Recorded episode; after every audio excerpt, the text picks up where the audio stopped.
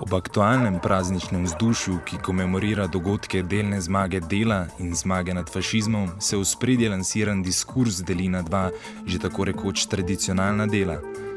Dva pola, ki se pri tem vzpostavljata, si pravzaprav ne zaslužita poimenovanja ideološke delitve in kritičnega naboja, ki ga nosi koncept ideologije, če tudi se nahajata v njenem polju.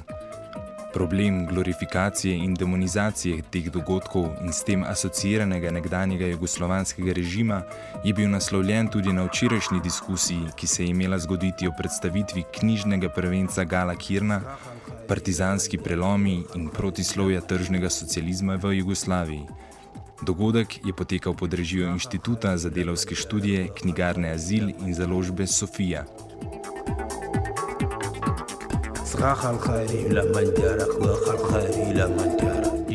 Čeprav je vsebina knjige predvsem zgodovinska obravnava samoupravnega socializma, specifičnega za Jugoslavijo, skuša delo intervenirati v aktualno dojemanje le tega. Zato temu sledeč tudi današnje poročilo pričenjamo z izjavo Gala Kirna, ki je bila izrečena proti koncu dogodka. Zdaj, ena stvar, kar sem jaz skušal skozi to teoretsko metodo um, mobilizacije historičnih, političnih in drugih resursov narediti, um, da seveda se lahko nekaj naučimo, kao zgodovinska lekcija za danes, hkrati pa tako, lahko bi rekel, Benjaminovsko, da razstrgliš par teh šrapnelov, nekih fragmentov uh, preteklih uporov po tudi teoretski kraj. Se pravi, to je nek del teoretskega boja, ki pa je v samem politični praksi, oziroma v politiki seveda omejen. Tukaj se ne gre za neko pretenzijo, da če ti uh, zdaj objaviš eno knjigo, uh, plus uh, imaš diskusije in tako naprej, da bo zdaj delo neko, niti ne, ne upam se trditi neko teoretsko revolucijo. Lahko pa v, v nek kontekst preneseš uh, nekaj virov, nekaj referenc, ki jih nasilno napadejo, sprejmejo, zavrnejo. Je neka oživitev mrtvega objekta. Ne? oziroma tega, kar smo že parkrat pokopali. In se pravi, ne v neke dobre stare čase, ampak bi rekel neke dobre nove čase. V tem smislu, da se to pač uh, pre, preobrne. Druga stvar, ki jo lahko gledaš, je pa čisto aktualna politična, kako misel periferija danes spet. Zdaj, Slovenija uh, v kontekstu juga Evrope postane del, je postala del periferije. Bili smo na neki točki že del pol periferije, zdaj se je to premaknilo nazaj.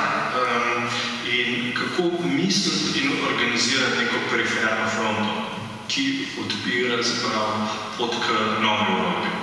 Tukaj pa seveda je to vprašanje politično, politične organizacije, se pravi tukaj jaz ne vidim nobenega, nobene ambivalentnosti, da tega teoretskega dela ne, povez, ne poveže s političnim delom, se pravi v novih, novih političnih strankah, gibanjih uh, in vsem, kar se dogaja v boju proti privatizaciji, vrčevanju in tako naprej. Tako da tukaj, uh, ja, eno je v bistvu kot odgovor, teoretski odgovor, ampak ta teoretski odgovor ne sme stati popolnoma brez neke materialne, uh, uh, uh, uh, materialne okoliščine.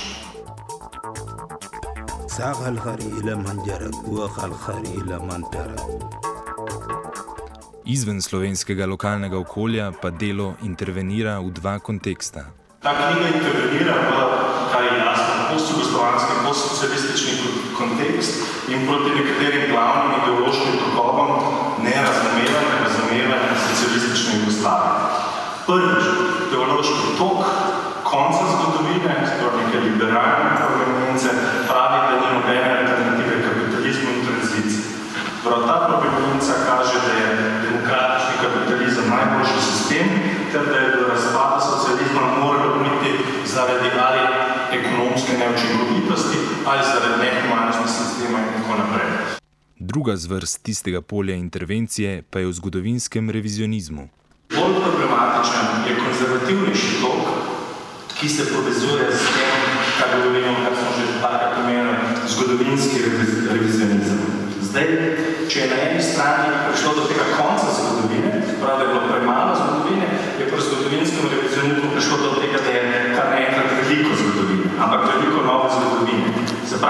ključna operacija tega zgodovinskega revizionizma je, da poleg neke fizične destrukcije, fizičnega uničenja Jugoslavije, socializma, prihaja tudi do rekonstrukcije nove nacionalne in nacionalistične zgodovine. In v 90-ih letih, sled bratomornih vojn, konca, konca Jugoslavije ساق الخري إلى من جرى وخ الخري إلى من ترى Problematičnost tega je predvsem v pozabi revolucionarne preteklosti in imperializma sedanjih parlamentarno-demokratičnih držav. Teza knjige pa se prav tako postavlja proti pojmovanju komunizma v posameznih teoretskih vodah, ki se ne ozira na socializem kot prehodno stanje, oziroma kot zmes kapitalističnih in komunističnih elementov. Tudi pomemben, kamor ta razprava pa knjiga intervenira mednarodno, se pravi nek, recimo, temu um, tematike ideje komunizma, pravi Negrija, Bedjuja, Ranciera, Držiška pri nas, kjer v, z eno roko zamahnejo proti vsej zgodovini dedični socializma, ampak proti aktualnosti uh, političnega socializma. Ali pa da bi bila socializem alternativa danes. Se pravi, veliko lažje je zdaj razumeti uh, skok direkt v komunizem, kot pa razumeti, razumeti socialistično tranzicijo.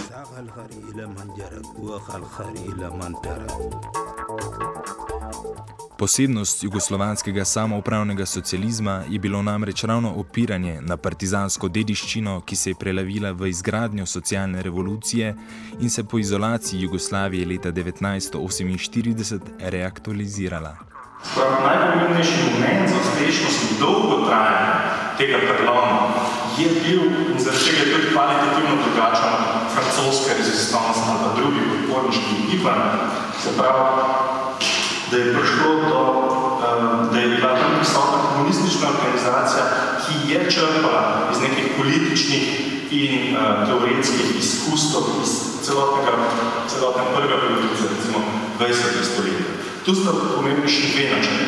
Eno načelo je načelo narodne osvoboditve, ki ga na Balkanu poznamo od izpred časa, že spet prve uh, svetovne vojne in za mišljenje Balkanske socialistične federacije, pomembna je tudi za prve socialdemokratske stranke, komunistične stranke in tukaj je prišlo seveda do nekaj kasnejših reapropriacij, ampak je imel tako buržuazija nacionalna, kot recimo da temu uspenjujoči se delavski razred imel tukaj nek poseben politični znak. Se pravi, narodna osvoboditev v 30, v 30 letih pa še kot uh, napad na, na, na fašizem Združena ljudska fronta Dimitrov. Ti dve načeli je seveda partizanski boj prevzel, reaproprimiral in je seveda postavil neke nove materialne teme. Zdaj, tukaj v eno gre seveda tudi, ne bomo šli v detalje, socialna revolucija, pomembno je samo to vedeti, da se na koncu zgodi preglom, ki se rezultira v novi Jugoslaviji. Ta nova Jugoslavija razen imena, pa tudi v imenu in drugačnih kraljevine Jugoslavija, SFRJ, oziroma prvo ljudska um, republika, uh, v bistvu nima, nima dosti skupnega. Zdaj, poleg te avnorske Jugoslavije, pa to, kar je že Asta samem uvodu rekla, po sporu s Stalinom leta 1948 se znajde Jugoslavija v popolni narodni izolaciji in na mesto podreditve enemu od blokov uh, revitalizira partizansko autonomijo. Sprav tukaj se na svoj način z drugimi sredstvi uh, nadaljuje partizanska politika iz druge svetovne vojne.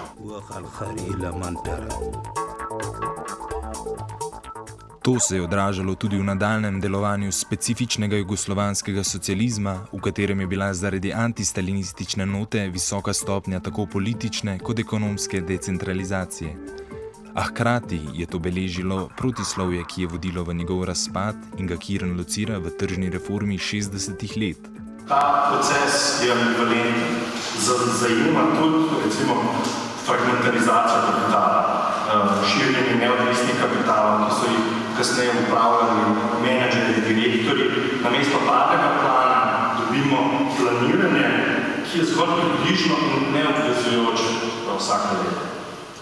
V tem političnem ekonomskem odmiranju države je po mojem oceni prišlo do nereflektirane slepe pege.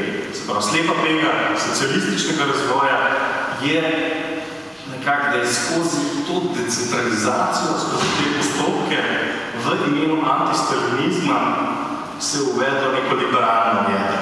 Prav, da imaš neke, recimo, da temu spontane procese ali trga razno raznih zadev, ki se potem uh, zapakirajo pod, zdaj imamo pa več demokratizacije, več decentralizacije. Tržna reforma kot taka je indikator te nove konstelacije. Tržna reforma pomeni predvsem deideologizacijo ekonomije, diskurs ekspertov, um, v realnih družbenih procesov pa odpre uh, široka, ostra nasprotja.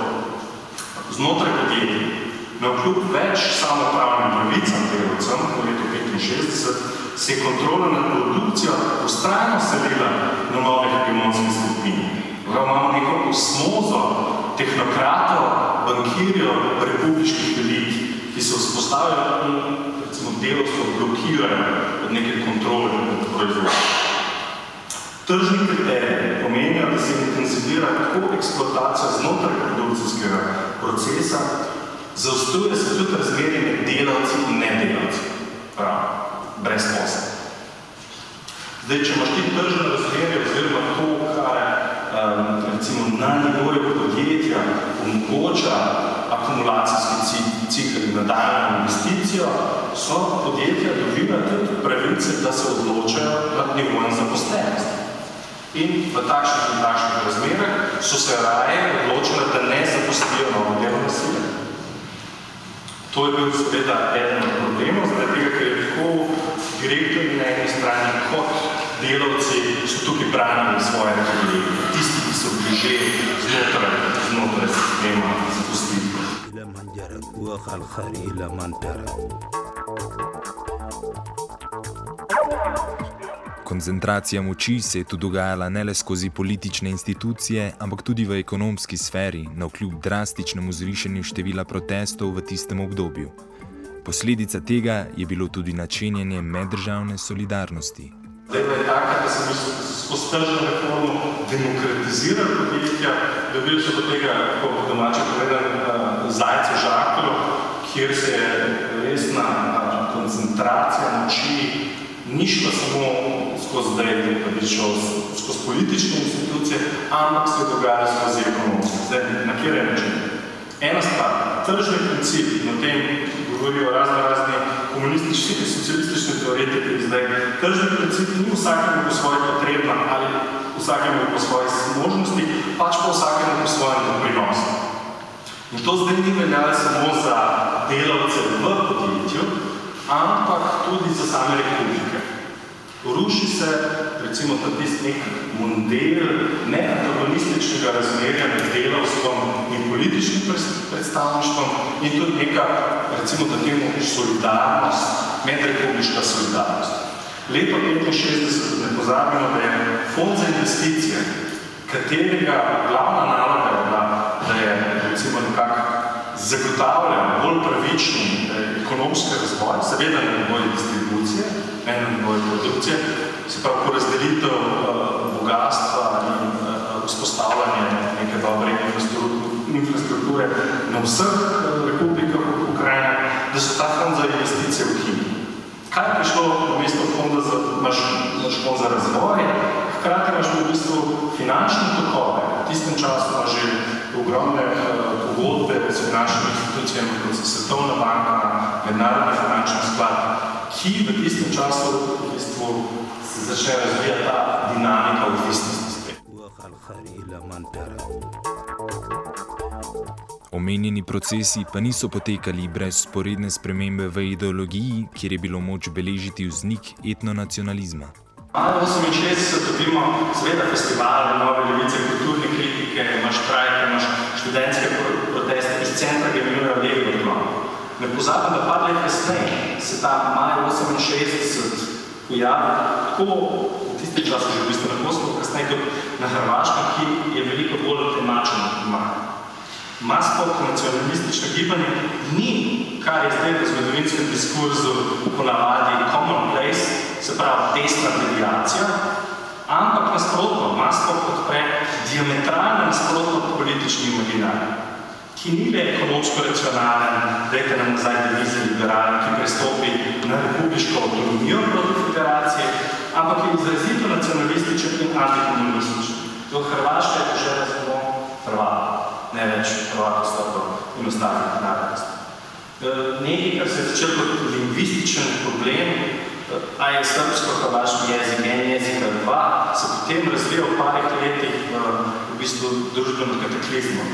Vsi te socialno-ekonomske probleme, ki so bili tukaj razredni antagonizmi, se začnejo premeščati na te etnične kulturne označevalce.